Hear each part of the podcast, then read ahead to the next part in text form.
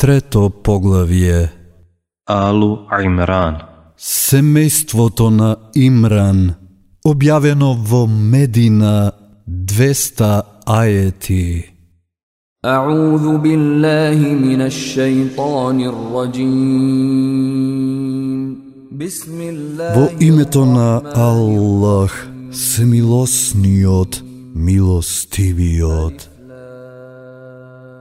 Елиф, Лам, Мим. Аллах е, нема друг Бог освен Него, живиот и самообстојувачкиот одржувател. Тој ти ја објавува книгата со вистината, која ги потврдува предходните, а и Тевратот и Инџилот ги објавил предходно, како патока за луѓето, а го објавил и Фурканот. На тие што не веруваат во Аллаховите аети им припаѓа тешка казна, а Аллах е силен и жестоко казнува. На Аллах на вистина ништо не му е скриено, ниту на земјата, ниту на небото. Тој во матките ве обликува како што тој сака. Нема друг Бог освен Него, силниот и мудриот. Тој ти ја објавува книгата во која се јасните аети. Тие се темели на книгата, а останатите се помалку јасни. Тие во чии што срца е скршнувањето, ги следат нејасните аети, тежнеечи за интриги и собствено толкување. А толкувањето нивно го знае само Аллах. Тие што се упатени во науката велат, ние веруваме во нив, сите тие се од Господарот наш, а само разумните сваќаат. Господару наш, не скршнувај ги срцата наши од како веќе си не упатил, и подари ни ја својата милост, ти си на вистина обилниот дарувач. Господару наш, ти ќе ги собере сите луѓе на денот во кој нема никаков сомнеш. Аллах на вистина не го прекршува своето ветување. На тие што не веруваат, нема ништо да им користат богатствата нивни, ни децата нивни кај Аллах, и тие ќе бидат гориво за огнот. Како што тоа веќе се фараоновите луѓе и тие пред нив кои ги сметаа доказите наши за лажни, па заради гревовите нивни Аллах ги уништи, а Аллах жестоко казнува. Кажи им на тие што не веруваат, ке бидете победени и во джехеннемот ке бидете собрани, а тоа е грозно престојувалиште. Имавте знак во двете групи кои се судрија. Едната која се бореше на Аллаховиот пат и другата неверничка на која и се причинуваше дека пред себе има два пати повеќе противници. А Аллах со својата помош поддржува кого тој сака. Тоа е на вистина поука за тие што гледаат далеку. На луѓето им е разубавен копнежот кон страстите, жените, синовите, куповите од злато и сребро, расните коњи, добитокот и посевите. Тоа се насладувањата од овосветскиот живот, а најубавото место за враќање е кај Аллах. Сакате ли да ви кажам што е подобро од тоа? Тие што ќе бидат богобојазни кај Господарот свој, ќе имаат дженнетски градини под кои реки течат, во кои вечно ќе престојуваат и сопруги чисти и задоволство од Аллах. А Аллах добро ги гледа робовите своји. Тие што велат, Господару наш, ние на вистина веруваме, па простини ги гревовите наши и сочувај од страдањето во огнот. Трпеливи и искрени и на Аллах послушни и кои од имото даваат и кои во последните часови од нокшта за прошка молат. Аллах сведочи дека нема друг Бог освен Него, а и мелеците и учените постапувајќи праведно. Нема друг Бог освен Него, силниот и мудриот. За Аллах единствено Исламот е вистинска вера, а тие на кои им е дадена книгата се раздвоија во моментот кога им дојде знаењето и тоа од меѓусебна завист. А Аллах брзо ќе се пресмета со тие што не веруваат во Аллаховите зборови. Ако тие се препираат со тебе, кажи – Јас само на Аллах му се покорувам, а и тие што ме следат. И кажи им на тие на кои ми е дадена книгата и на неписмените. Дали сте го примиле Исламот? Ако го примат Исламот, тогаш тие се на вистинскиот пат. А ако го одбијат, твое е единствено да повикуваш. А Аллах добро ги гледа робовите своји на тие што не веруваат во Аллаховите знаци и кои неоправдано ги убиваа веровесниците, а ги убиваат и тие што бараат праведно да се постапува кон луѓето, навести им болна казна. Тоа се тие чии што дела се безвредни и на овој и на оној свет, и на кој никој нема напомош да им прииде. Зарем не ги гледаш тие на кои им е даден дел од книгата, кога биваат повикувани да им се суди според Аллаховата книга, како некои од нив тоа го одбиваат, зашто тие и онака одбегнувајќи се вртат. Тоа е затоа што велат, огнот нема ни да не допре повеќе од неколку дена, а во нивното верување ги залажуваат лагите што самите ги измислуваа. А што ке биде кога ќе ги собереме тој ден, за кој нема никаков сомнеш, и кога секој ќе го добие тоа што го заслужил, а на нив нема да им биде сторена неправда. Кажи, о Аллаху мој, поседувателу на власта, ти власта кому сакаш му ја даваш, а ја одземаш од кого сакаш. Ти возвишуваш кого сакаш, а понижуваш кого сакаш.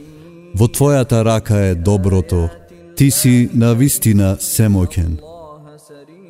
Ти ја воведуваш ноќта во денот и го воведуваш денот во ноќта. Живото го изведуваш од мртвото и мртвото го изведуваш од живото. Ти снабдуваш кого сакаш без никаква сметка.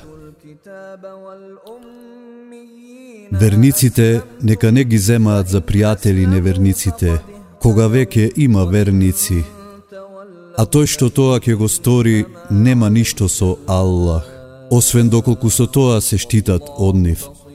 Аллах ве предупредува на себе и кај Аллах се се враќа.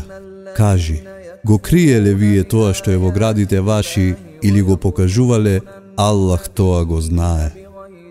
Тој знае се што е на небесата и што е на земјата.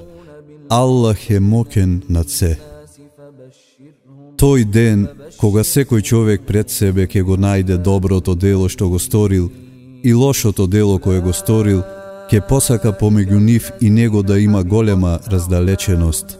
А Аллах ве предупредува на себе и Аллах е благ кон робовите своји. Кажи, ако Аллах го сакате, тогаш мене следете ме, и вас Аллах ќе ве сака и гревовите ќе ви ги прости а Аллах простува и милостив е. Кажи, покорувајте им се на Аллах и на пратеникот, а ако тие главите ги свртат, па Аллах на вистина не ги сака неверниците. На вистина Аллах ги одбрал Адем и Нух и семејството на Ибрахим и семејството на Имран над световите. Сите потомци еден од друг а Аллах се слуша и се знае. Сопругата на Имран рече, Господару мој, ова што е во стомакот мој, го заветувам само во Твоја служба, па прими го тоа од мене, бидејќи ти на вистина се слушаш и се знаеш. А откако роди, таа рече, Господару мој, јас родив женско, а Аллах најдобро знае што роди таа. А женското не е како машко и ја нареков Мерием. Неа и породот нејзин го ставам под Твоја заштита од проклетиот шејтан. Па, господарот нејзин убаво ја прими и стори да израсне убаво и за неа да се грижи Зекерија. Кога и да влезеше Зекерија кај неа во михработ, кај неа храна ке најдеше. Од каде ти е ова Мерием, би запрашал тој, а таа би одговорила, Тоа е од Аллах. Аллах на вистина снабдува кого сака без никаква сметка. Таму Зекерија го замоли господарот свој, Господару мој, подари ми од себе честит потомок, бидејќи ти на вистина молбата ја слушаш. И додека тој стоеки во михработ се молеше, мелеците го повикаа. Аллах ти јавува радосна вест, ќе ти се роди Јахја, кој во Аллаховата реч ќе верува, кој ќе биде првак и скромен и веровесник и потомок на добрите. Господару мој, рече тој, како ке имам син кога староста ме совлада, а и жена ми е неплодна. Ете така, рече тој, Аллах прави што му е по волја. Господару мој, замоли Зекерија, дај ми некаков знак. Знак ќе ти биде тоа што три дена со луѓе нема да можеш да разговараш, освен со знаци и често споменувај го Господарот свој и заблагодарувај му на крајот на денот и рано наутро. И кога мелеците рекоа, О, Мерием, Аллах на вистина тебе те одбра и чиста те создаде. Тој те одбра над сите жени на световите. О, Мерием, биди му понизна и покорна на Господарот свој, и сеч да чини и клањај му се со тие што му се клањаат. Тоа се некои од непознатите вести што ти ги објавуваме. Ти не беше меѓу нив кога своите пера ги фрлија за да видат кој од нив за Мерием ке се грижи, а не беше меѓу нив никога се препираа. А кога мелеците рекоа, О, Мерием, Аллах те радува со синот кој е создаден со неговата реч. Името ке му биде Месих Иса син Мериемин. Ке биде угледен и на овој и на оној свет и ке биде еден од блиските на Аллах. Тој ќе им зборува на луѓето уште во колевка, а и како возрасен и честит ке биде. Таа рече, Господару мој, Како ке имам дете кога ниту еден маш ме нема допрено. Ете така, рече, Аллах создава што сака. Кога нешто ке одлучи, тој само ке каже, биди и тоа бидува. Тој го поучува за писмото и за мудроста и за Тевратот и за Инџилот и го праќа како пратеник на синовите Израилови Ви донесов знак од Господарот ваш, ке ви направам нешто слично на птица од глина и ке дувнам во неа, па со Аллахова волја ке биде вистинска птица. Ке ги исцелам слепиот од раѓање и лепрозниот и ке оживувам мртви со Аллахова волја и ке ви кажувам што јадете и што во домовите ваши натрупувате. Во сето тоа има докази за вас, ако бидете вистински верници. Потврдувајќи ја така вистинитоста на Тевратот, објавен пред мене, и допуштајќи ви нешто што ви беше забрането, зашто јас ви носам доказ од вашиот Господар. Па плашете се од Аллах, а бидете ми покорни мене. Аллах на вистина е и мој и ваш Господар. Па него обожувајте го, тоа е вистинскиот пат. А кога Иса почувствува дека тие не веруваат, рече Кои ќе ми бидат помошници на Аллаховиот пат, ние сме помагачи на Аллаховата вера, рекоа учениците. Ние веруваме во Аллах, а ти биди сведок дека ние сме муслимани. Господару наш, ние веруваме во тоа што ти го објави и пратеникот го следиме па забележи не како сведоци на верата. И неверниците почнаа да смислуваат интриги, па и Аллах тоа им го направи, а Аллах најдобро го умее тоа.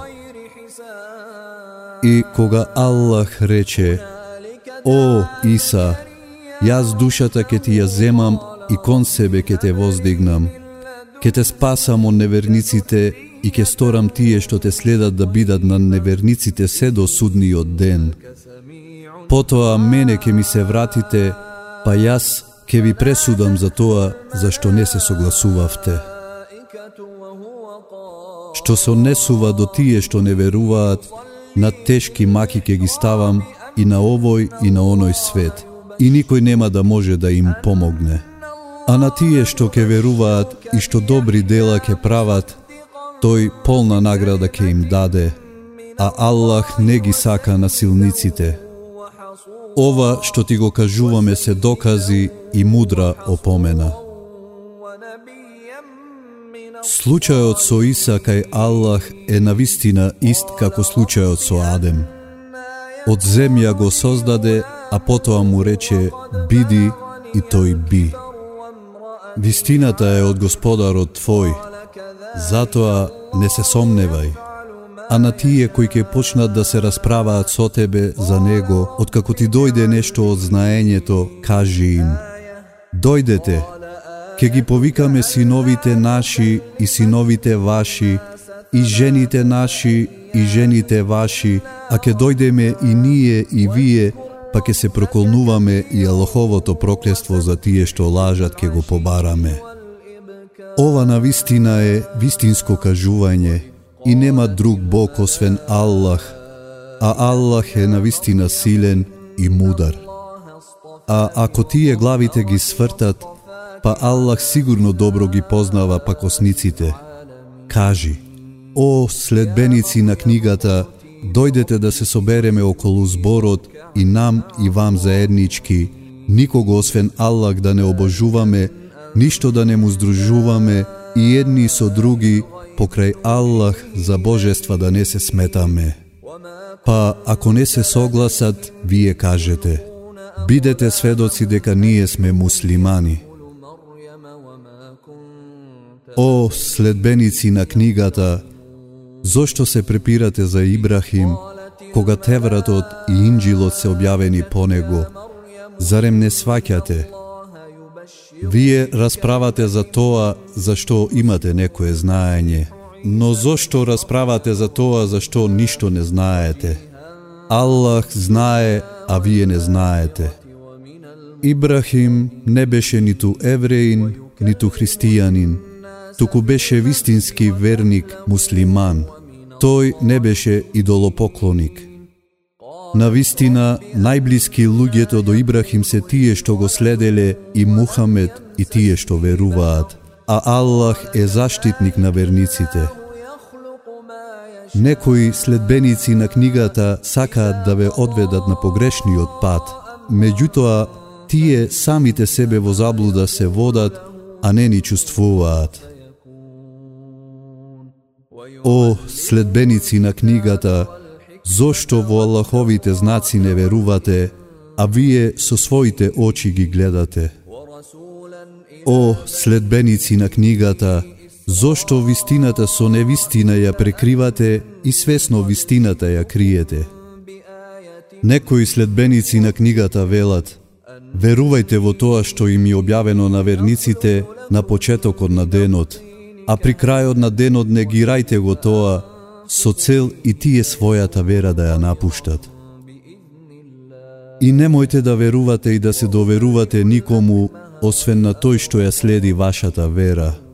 Ти кажи, на вистина, вистинското упаство е Аллаховото упаство. И велат, не верувајте и не доверувајте се никому, па некому да му биде дадено како што ви е дадено вам пред вашиот Господар. Кажи, на вистина сета благодат е во Аллаховата рака, тој ја дарува кому тој сака, а Аллах е неизмерно добар и сезнаен. Тој својата милост ја дарува кому сака, а Аллах е поседувачот на големата благодат.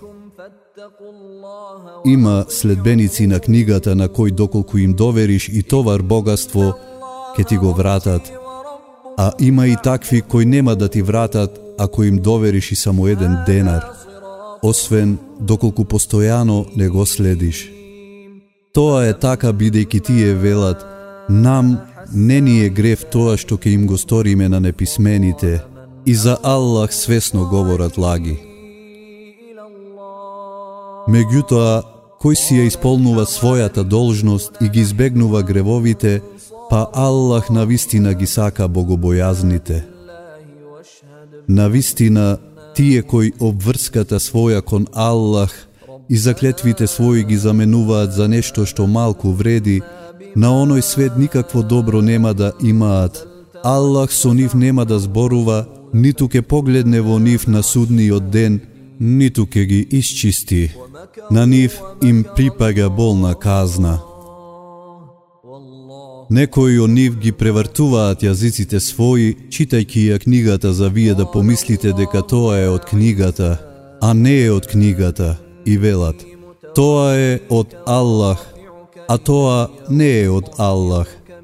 За Аллах свесно говорат лаги. Не е примерно за човек кому Аллах му даде книга и знаење и веровесништво, а потоа да им вели на луѓето, бидете мои робови, а не на Аллах, туку бидете учени и побожни со тоа што другите за книгата ги подучувате и што и самите ја проучувате. Тој не ви наредува мелеците и веровесниците за господари да ги сметате, зарем да ви нареди неверство откако веќе сте станале муслимани. Аллах од секој веровесник на кого книга му објавил и знаење му дал зел обврска. Кога после вас ќе дојде пратеник, кој ќе потврди дека е вистина тоа што го имате, дали целосно ќе му поверувате и ќе го поддржите, Дали се сложувате и ја прифаќате таа обврска кон мене, тие одговорија.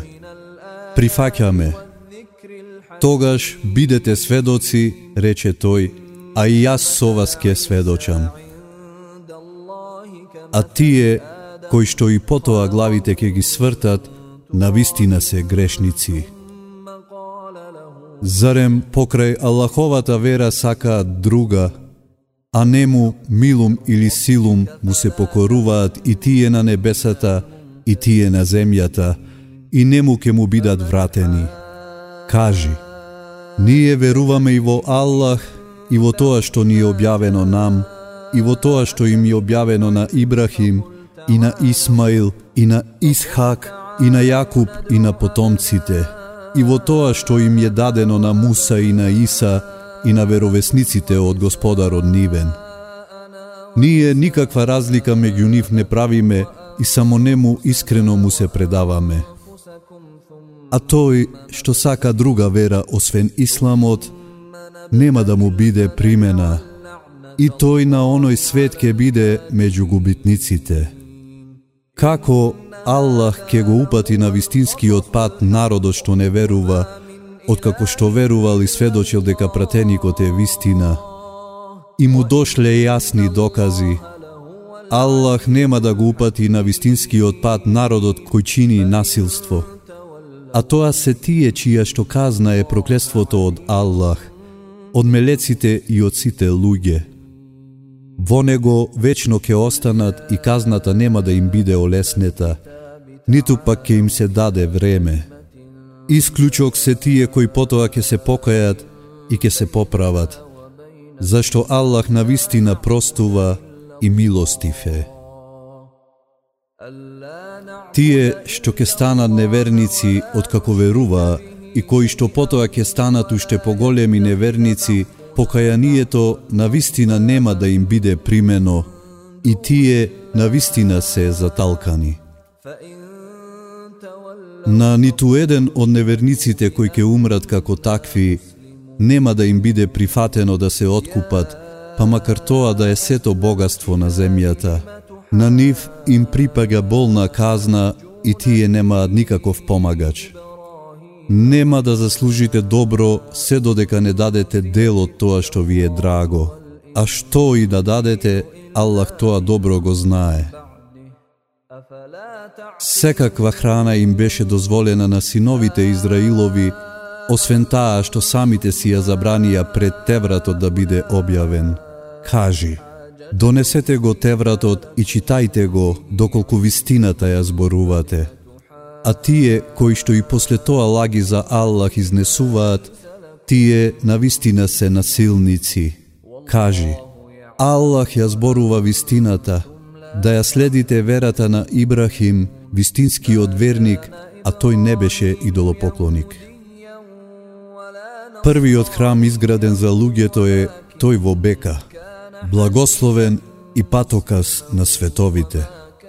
Во него има очигледни знаци. Местото на кое што стоеше Ибрахим и тој што ќе влезе во него ќе биде безбеден. А джилакот должен е да го изврши поради Аллах секој што е во можност да дојде до него. А тој што не верува, па Аллах е на вистина независен од световите. Кажи, о следбеници на книгата, зошто не верувате во Аллаховите знаци, а Аллах е сведок на се што работите? Кажи, о следбеници на книгата, Зошто го одвраќате од Аллаховата вера тој што верува, сакајќи да ја искривите, иако сте сведоци дека е вистина, а Аллах не го занемарува тоа што го правите. О верници, ако се покорувате на некој од тие на кои им е дадена книгата, тие, откако ја прифативте вистинската вера, повторно ќе ве вратат меѓу неверниците. А како да не верувате кога ви се кажуваат Аллаховите аети и кога меѓу вас е неговиот пратеник, а кој е цврсто поврзан со Аллах, тој веќе е упатен на вистинскиот пат. О верници, плашете се од Аллах со вистинска богобојазност и никако не умирајте, освен како муслимани. Сите цврсто за Аллаховото јаже држете се и никако не разделувајте се. И сетете се на Аллаховата милост кон вас, кога бевте непријатели, па тој срцата ви ги соедини и вие со милоста негова станавте браќа и бевте на работ на огнената јама, па тој он неа ве спаси. Така Аллах ви ги објаснува своите знаци за да истраете на вистинскиот пат. И меѓу вас нека има една група луѓе која повикува на добро и наредува добро и одвраќа од зло. Тоа се тие спасените. И не бидете како тие што се разединија и се разделија, откако веќе јасни докази им дојдоа. Нив ги чека голема казна на денот кога некои лица ќе побелат, а некои лица ќе поцрнат. На тие чии што лица ке поцрнат, ке им се каже Зарем станавте неверници по вашето верување, па искусете го страданието затоа што не верувавте. А тие чии што лица ке побелат, ке бидат во Аллаховата милост во која вечно ќе останат. Тоа се Аллаховите докази кои тебе вистински ти ги кажуваме – а Аллах не сака на световите неправда да им стори. На Аллах му припаѓа се што е на небесата и на земјата, и кај Аллах се се враќа. Вие сте најдобриот народ кој воопшто се има појавено. Барате да се чини добро, а одвраќате од зло и верувате во Аллах. А кога следбениците на книгата би верувале исправно, тоа би било подобро за нив. Меѓу нив има верници, но повеќето се грешници. Тие не можат да ви наштетат, туку можат само да ве навредуваат. Ако ве нападнат, ќе избегаат и потоа нема да имаат помош. Каде и да се најдат, ќе бидат понижени, освен ако се под Аллаховата заштита и под заштитата на другите луѓе. Тие Аллаховиот гнев го заслужија и ќе ги снајде беда, затоа што во Аллаховите зборови не веруваа и затоа што веровесниците неправедно ги убиваа, и затоа што на Аллах непокорни му беа, и затоа што во грешењето секоја граница ја преминаа. Тие не се сите исти. Има и исправни следбеници на книгата, кои по цела ноќ Аллаховите зборови ги читаат и на сеџда му се поклонуваат. Тие во Аллах и во оној свет веруваат, наредуваат да се чинат добри дела, а одвраќаат од лошите и итаат да сторат добро дело. Тоа се тие добрите. Какво добро и да сторат, нема да им биде негирано, а Аллах добро ги знае тие што од него се плашат. На вистина, тие што не веруваат, од Аллах нема да ги одбрани ни богатството нивно, ниту децата нивни. Тие ќе бидат жители на огнот, каде вечно ќе останат. Тоа што во животот на овој свет ќе го дадат е слично на ледениот ветер кој ги погаѓа посевите на тие кои самите себе си неправда си сториле, па ги уништува. На нив Аллах не им сторил неправда, туку тие самите себе си си ја прават. О верници, не земајте за блиски пријатели други освен вас, бидејќи останатите само пропаст ви посакуваат, едва и чекаат на маки да паднете. Омраза избива од устите нивни, а уште полошо е тоа што го кријат градите нивни. Ние доказите ви ги изнесуваме, ако памет имате. Ете, вие нив ги сакате, а тие вас не ве сакаат, а вие верувате во сите книги. Кога ќе ве сретнат велат, веруваме, а штом насамо ќе се најдат, од злоба кон вас, врвовите на прстите своји ги гризат. Кажи, умрете од мака. Аллах на вистина добро знае што е во градите сечии. Ако ви се случи некое добро, тоа ќе ги огорчи, а ако ве дочека некаква неволја, се радуваат. Ако бидете трпеливи и богобојазни, нивното лукавство воопшто нема да ви наштети, а Аллах на вистина добро знае што прават. А кога ти, Мухаммеде, подрани и семејството свое го остави, на верниците местата за борба да им ги одредиш. А Аллах се слуша и се знае кога две ваши групи за малку се повлекоа, а Аллах е нивен заштитник. И само во Аллах нека имаат доверба верниците. Аллах и на бедар ви помогна, кога бевте малубројни. Затоа плашете се од Аллах за да бидете благодарни. Кога ти им рече на верниците, зарем нема да ви биде доволно вашиот господар да ви помогне со три илјади мелеци? Секако, ако бидете издржливи и послушни, и ако одеднаш ве нападнат, Господарот ваш ке ви обезбеди помош од пет илјади обележани мелеци. Тоа Аллах го направи само за да ви израдува и со тоа срцата ваши да се успокојат, а нема помош освен од Аллах силниот и мудриот и за еден дел од неверниците да ги уништи или да ги посрамоти, пошто ќе се вратат разочарани. Од тебе не зависи дали тој покајанието нивно ќе го прифати или на маки ќе ги стави, бидејќи тие навистина се насилници. А на Аллах му припаѓа се што е на небесата и на земјата. Тој простува кому сака, а казнува кого сака, бидејќи Аллах простува и милостив е. О верници, Не јадете ја каматата двократно и повекекратно зголемена и плашете се од Аллах за да бидете спасени. И чувајте се од огнот кој е подготвен за неверниците и бидете им покорни на Аллах и на пратеникот за да ви биде укажана милоста И поитајте кон прошката од вашиот Господар и дженнетот широк колку небесата и земјата, подготвен за богобојазните. За тие што даваат и кога се во изобилие и кога се во оскудност, кој гневот си го совладуваат и кој на луѓето им простуваат, а Аллах ги сака добродетелите.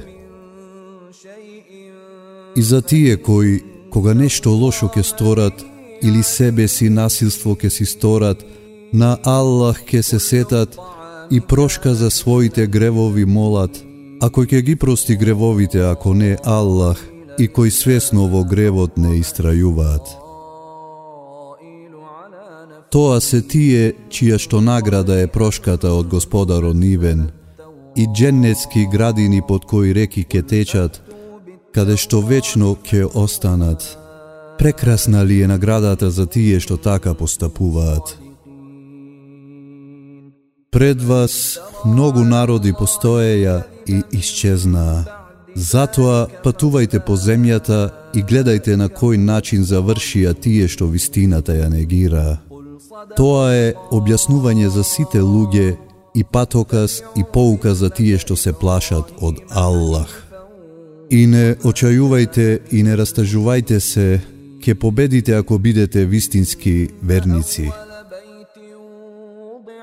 Ако ви се нанесени рани, па и на другите рани им се нанесуваат, а во тие денови ние наизменично им даваме победа на луѓето, за Аллах да укаже на тие што веруваат и да избере некои од вас како шехиди, а Аллах не ги сака насилниците, и за да ги исчисти верниците, а да ги уништи неверниците. Зарем мислите дека ќе влезете во дженнетот, а Аллах да не укаже на тие од вас што се борат и на тие што се трпеливи, а вие копнеевте по смртта пред да се соочите со неа. Па ете, со очите ваши ја видовте.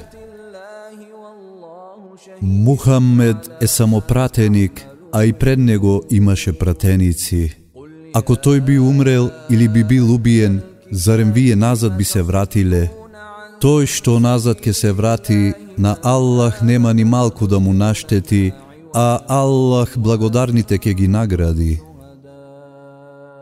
Никој нема да умре без Аллаховото одредение во часот суден. Кој ја сака наградата на овој свет, ке му ја дадеме, а кој ја сака наградата на оној свет, ке му ја дадеме. И благодарните ке ги наградиме. А колку ли имаше веровесници покрај кои многу богоугодници се бореа, па не отстапија поради тоа што ги снајде на Аллаховиот пат, ниту волјата им слабееше, ниту се предаваа, а Аллах ги сака трпеливите. Само говореа, Господару наш, простини ги гревовите наши и неумереноста наша во постапките наши, Зацврсти ни ги чекорите наши и помогни ни против народот невернички. Па Аллах им ја даде наградата на овој свет и убавината на наградата од оној свет, а Аллах ги сака добродетелите. О верници, ако им се покорувате на тие што не веруваат, ќе ве вратат наназад, па ќе станете губитници. Само Аллах е ваш заштитник и тој е најдобриот помагател. Ние ќе им влееме страв во срцата на тие што не веруваат, затоа што на Аллах му здружуваат нешто за што тој не спуштил никаков доказ. Огнот е нивното престојувалиште, а тоа е грозен дом за насилниците. Аллах веќе го потврди ветувањето свое кога веќе ги уништувавте со волјата негова, додека него доживеавте неуспехот и за наредбата не се сложивте и станавте непокорни откако ви го покажа тоа што го сакате. Едните од вас го сакаат овој свет, а другите оној свет. Тогаш тој ве одвои од нив за да ве искуша и ви прости бидејќи Аллах е неизмерно добар спрема верниците. кога остапувавте, качувајќи се и не обзирајќи се кон никого, додека пратеникот ве довикуваше зад вас, Аллах ве казни со неуспех на неуспехот, за да не тагувате за тоа што го пропуштивте, ни за тоа што ве снајде. А Аллах добро знае што правите. Потоа, по неволјата спокојство ви влеа. Некои од вас сон ги фати, додека другите се грижеа само за себе, мислејќи за Аллах нешто невистинито, со пагански мисли велики. Имаме ли ние некаков удел во победата? Кажи. Сета победа му припаѓа само на Аллах. Тие во себе го кријат тоа што тебе не ти го покажуваат. Велат, да имавме некаков удел во победата, немаше тука да изгинеме. Кажи, и во куќите своји да бевте, повторно тие на кои им е судено да загинат, на местата на своите погиби би излегле, за Аллах да го искуша тоа што е во градите ваши и за да го испита тоа што е во вашите срца. А Аллах добро знае што е во градите сечии. Тие од вас кои се повлекоа на денот кога двете групи се судрија, на вистина шејтанот ги наведе да потврлат поради нешто од тоа што предходно го сториле. А Аллах веќе им прости бидејќи Аллах простува и благ е. О верници, не бидете како неверниците кои за браќата своји, кога одат на пат по земјата или кога се борат, велат. Да беа со нас, немаше да умрат, ниту да загинат. Па Аллах со тоа им прави тага во срцата нивни, а Аллах дава и живот и смрт. Тој добро гледа се што правите. А ако вие загинете или умрете на Аллаховиот пат, на вистина прошката од Аллах и милоста се подобри од тоа што тие го натрупуваат. Било да умрете или да загинете, сигурно пред Аллах ќе бидете собрани. Со Аллаховата милост ти си благ кон нив, а да си груб и со тврдо срце, би се разбегале од твојата близина. Затоа простувај им и моли да им биде простено и договарај се со нив. А кога ќе одлучиш, подпри се на Аллах, бидејќи Аллах на вистина ги сака тие кои имаат доверба во Него. Ако Аллах ви помогне, никој нема да ве победи, а ако ве напушти, кој е тој што освен Него ќе може да ви помогне? И верниците нека имаат доверба само во Аллах. Невозможно е веровесникот нешто да прикрие.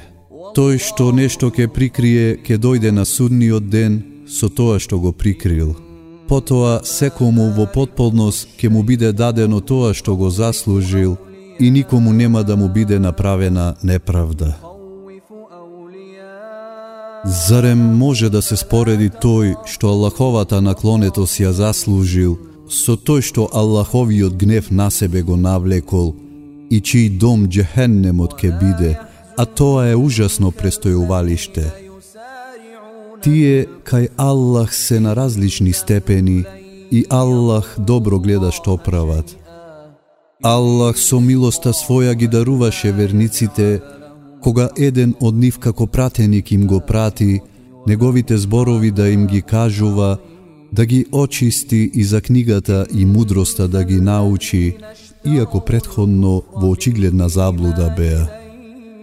Зарем не рековте, кога ве снајде неволјата која вие на нив двократно им ја нанесовте, од каде е сега ова? Кажи, тоа е од вас самите, Аллах на вистина може се. Тоа што ве снајде кога се судрија двете групи беше со Аллахова волја, за да ги открие вистинските верници и за да ги открие лицемерите. Ним им беше речено, дојдете, борете се на Аллаховиот пат или бранете се. Одговорија, да знаеме дека ќе има борба, би ве следеле.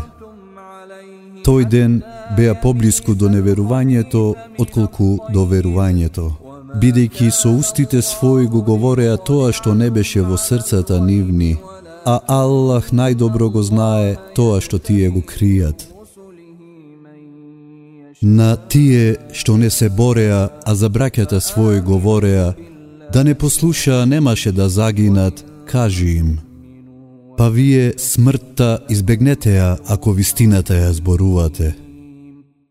Никако не смете ги за мртви тие кои на Аллаховиот пат загинале. Не, тие се живи и снабдени се кај Господарот свој. Радосни поради тоа што Аллах од добрината своја им го дал и весели поради тие кои се уште не им се придружиле, за кој никаков страф нема да има и кој за ништо нема да тагуваат. Тие се радуваат на Аллаховата награда и милост и на тоа што Аллах нема да допушти да пропадне наградата која им припаѓа на верниците.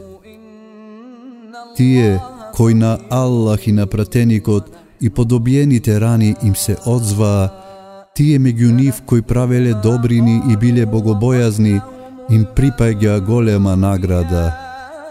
На тие на кои, кога луѓето им рекоа, непријатели се собираат поради вас, па пазете се од нив, им се зголеми верувањето, па рекоа, Доволен ни е Аллах и тој е прекрасен заштитник. Па се вратија со Аллаховите благодати и изобилство, никакво зло не ги снашло и постигна Аллах да биде со нив задоволен, а Аллах е неизмерно добар. Тоа само шејтанот со своите приврзаници ве плаши и не плашете се од нив, туку плашете се од мене, ако сте верници. Нека не те растажуваат тие кои се стремат кон неверство. Тие на Аллах воопшто нема да му наштетат. Аллах сака да не им стори какво било добро на оној свет и нив ги чека голема казна.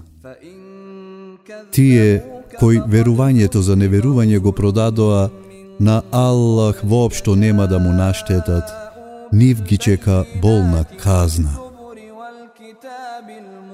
Нека не мислат неверниците дека е добро за нив тоа што им даваме долг живот. Ние им го даваме за само што повеќе да влезат во грев и на нив им припаѓа срамно страдање. Аллах нема да ги остави верниците со неверниците, туку лошите од добрите ќе ги одвои. Аллах нема да ви го открие тоа што е скриено, туку тој за тоа избира кого тој сака од пратениците своји. Затоа верувајте во Аллах и во пратениците негови, а ако верувате и бидете богобојазни, вам ви припаѓа голема награда. Нека не мислат тие што се скржави во тоа што Аллах од изобилието својим го дава дека е тоа добро за нив. Не, тоа е лошо за нив. На судниот ден ќе им биде замотано околу вратот тоа за што беа скржави. А на Аллах му припаѓа наследството на небесата и на земјата и Аллах е известен за тоа што го правите. Аллах ги слушна зборовите на тие што велеа. Аллах е сиромашен, а ние сме богати. Ке го забележиме тоа што тие го говореа, како што и без оправдана причина веровесниците ги убива и ке кажеме. Искусете ја казната во огнот поради делата на рацете ваши, а Аллах не е неправеден кон робовите.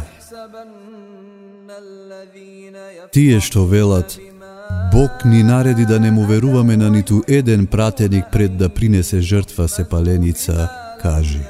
И пред мене пратениците ви носеа јасни докази, а и тоа зашто зборуваат. Па зошто тогаш, ако вистината ја говорите, ги убивавте? А ако и тебе те сметаат за лажливец, Па и пред тебе за лажливци беа сметани пратениците кои носеа јасни докази и листови и книгата што осветлува. Секое живо суштество смртта ќе ја вкуси, и само на судниот ден во потполност ќе ги добиете платите ваши. Па кој ќе биде одогнот оддалечен и во дженнетот воведен, успеал. А животот на овој свет е само лажно насладување. Вие сигурно ќе бидете искушувани со имотите ваши и со животите ваши и ќе слушате многу навреди од тие на кои им е дадена книгата пред вас, а и од идолопоклониците. И ако издржите, и ако се плашите од Аллах, тоа на вистина спаѓа во вистинските постапки. А кога Аллах ја зеде обврската од тие на кои им е дадена книгата, дека сигурно на луѓето ќе им ја објаснуваат и дека од неа нема ништо да кријат, па тие потоа зад грб ја фрлија, продавајќи ја за нешто ефтино, а лошо е тоа што како замена го добија. Никако немој да мислиш за тие што се радуваат за тоа што го сториле и кои сакаат да бидат пофалени дури за тоа што не го сториле, дека од казната ќе се сочуваат. На нив им припаѓа големо страдание.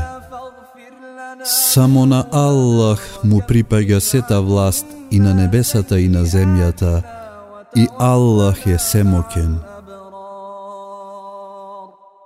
Во создавањето на небесата и на земјата и во промената на денот и ноќта, на вистина има знаци за обдарените со разум, кои и стоејќи, и седејки, и лежејки го спомнуваат Аллах и за создавањето на небесата и на земјата размислуваат. Господару наш, Ти ова не го создаде залудно, возвишен си Ти и сочувај не од казната во огнот. Господару наш, тој кого Ти во огнот ке го фрлиш, веќе си го понижил, а на насилниците никој напомош нема да им дојде. Господару наш, Ние го чувме гласникот кој повикува во верата. Верувајте во вашиот Господар. Па поверувавме.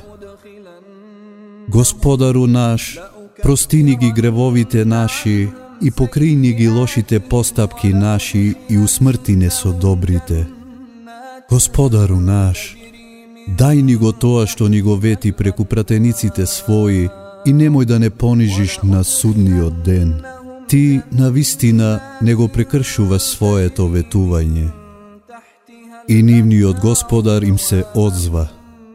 На ниту еден трудбеник меѓу вас, било маж или жена, неговото дело нема да го поништам. Вие сте едни од други. На тие кои што ќе се иселат и кои ќе бидат протерани од ронниот крај и кои ќе бидат мачени на мојот пат, и кои ќе се борат и ќе загинат, сигурно лошите дела ќе им ги покријам и сигурно ќе ги воведам во дженнетски градини низ кои реки течат. Тоа ќе биде награда од Аллах, а кај Аллах е најубавата награда. И никако нека не темами тоа што неверниците уживаат ни земјата. Кратко уживање, а потоа джехеннемот ќе биде нивното живеалиште, а ужасно ли е тоа престојувалиште.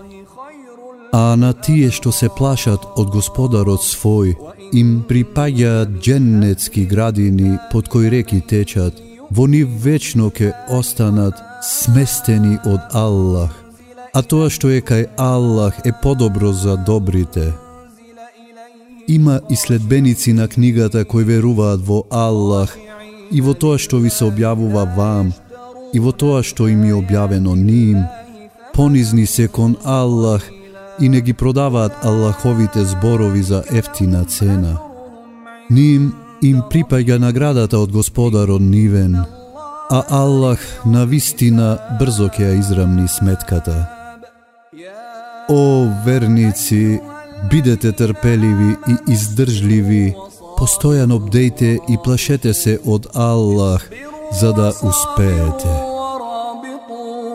واتقوا الله لعلكم تفلحون.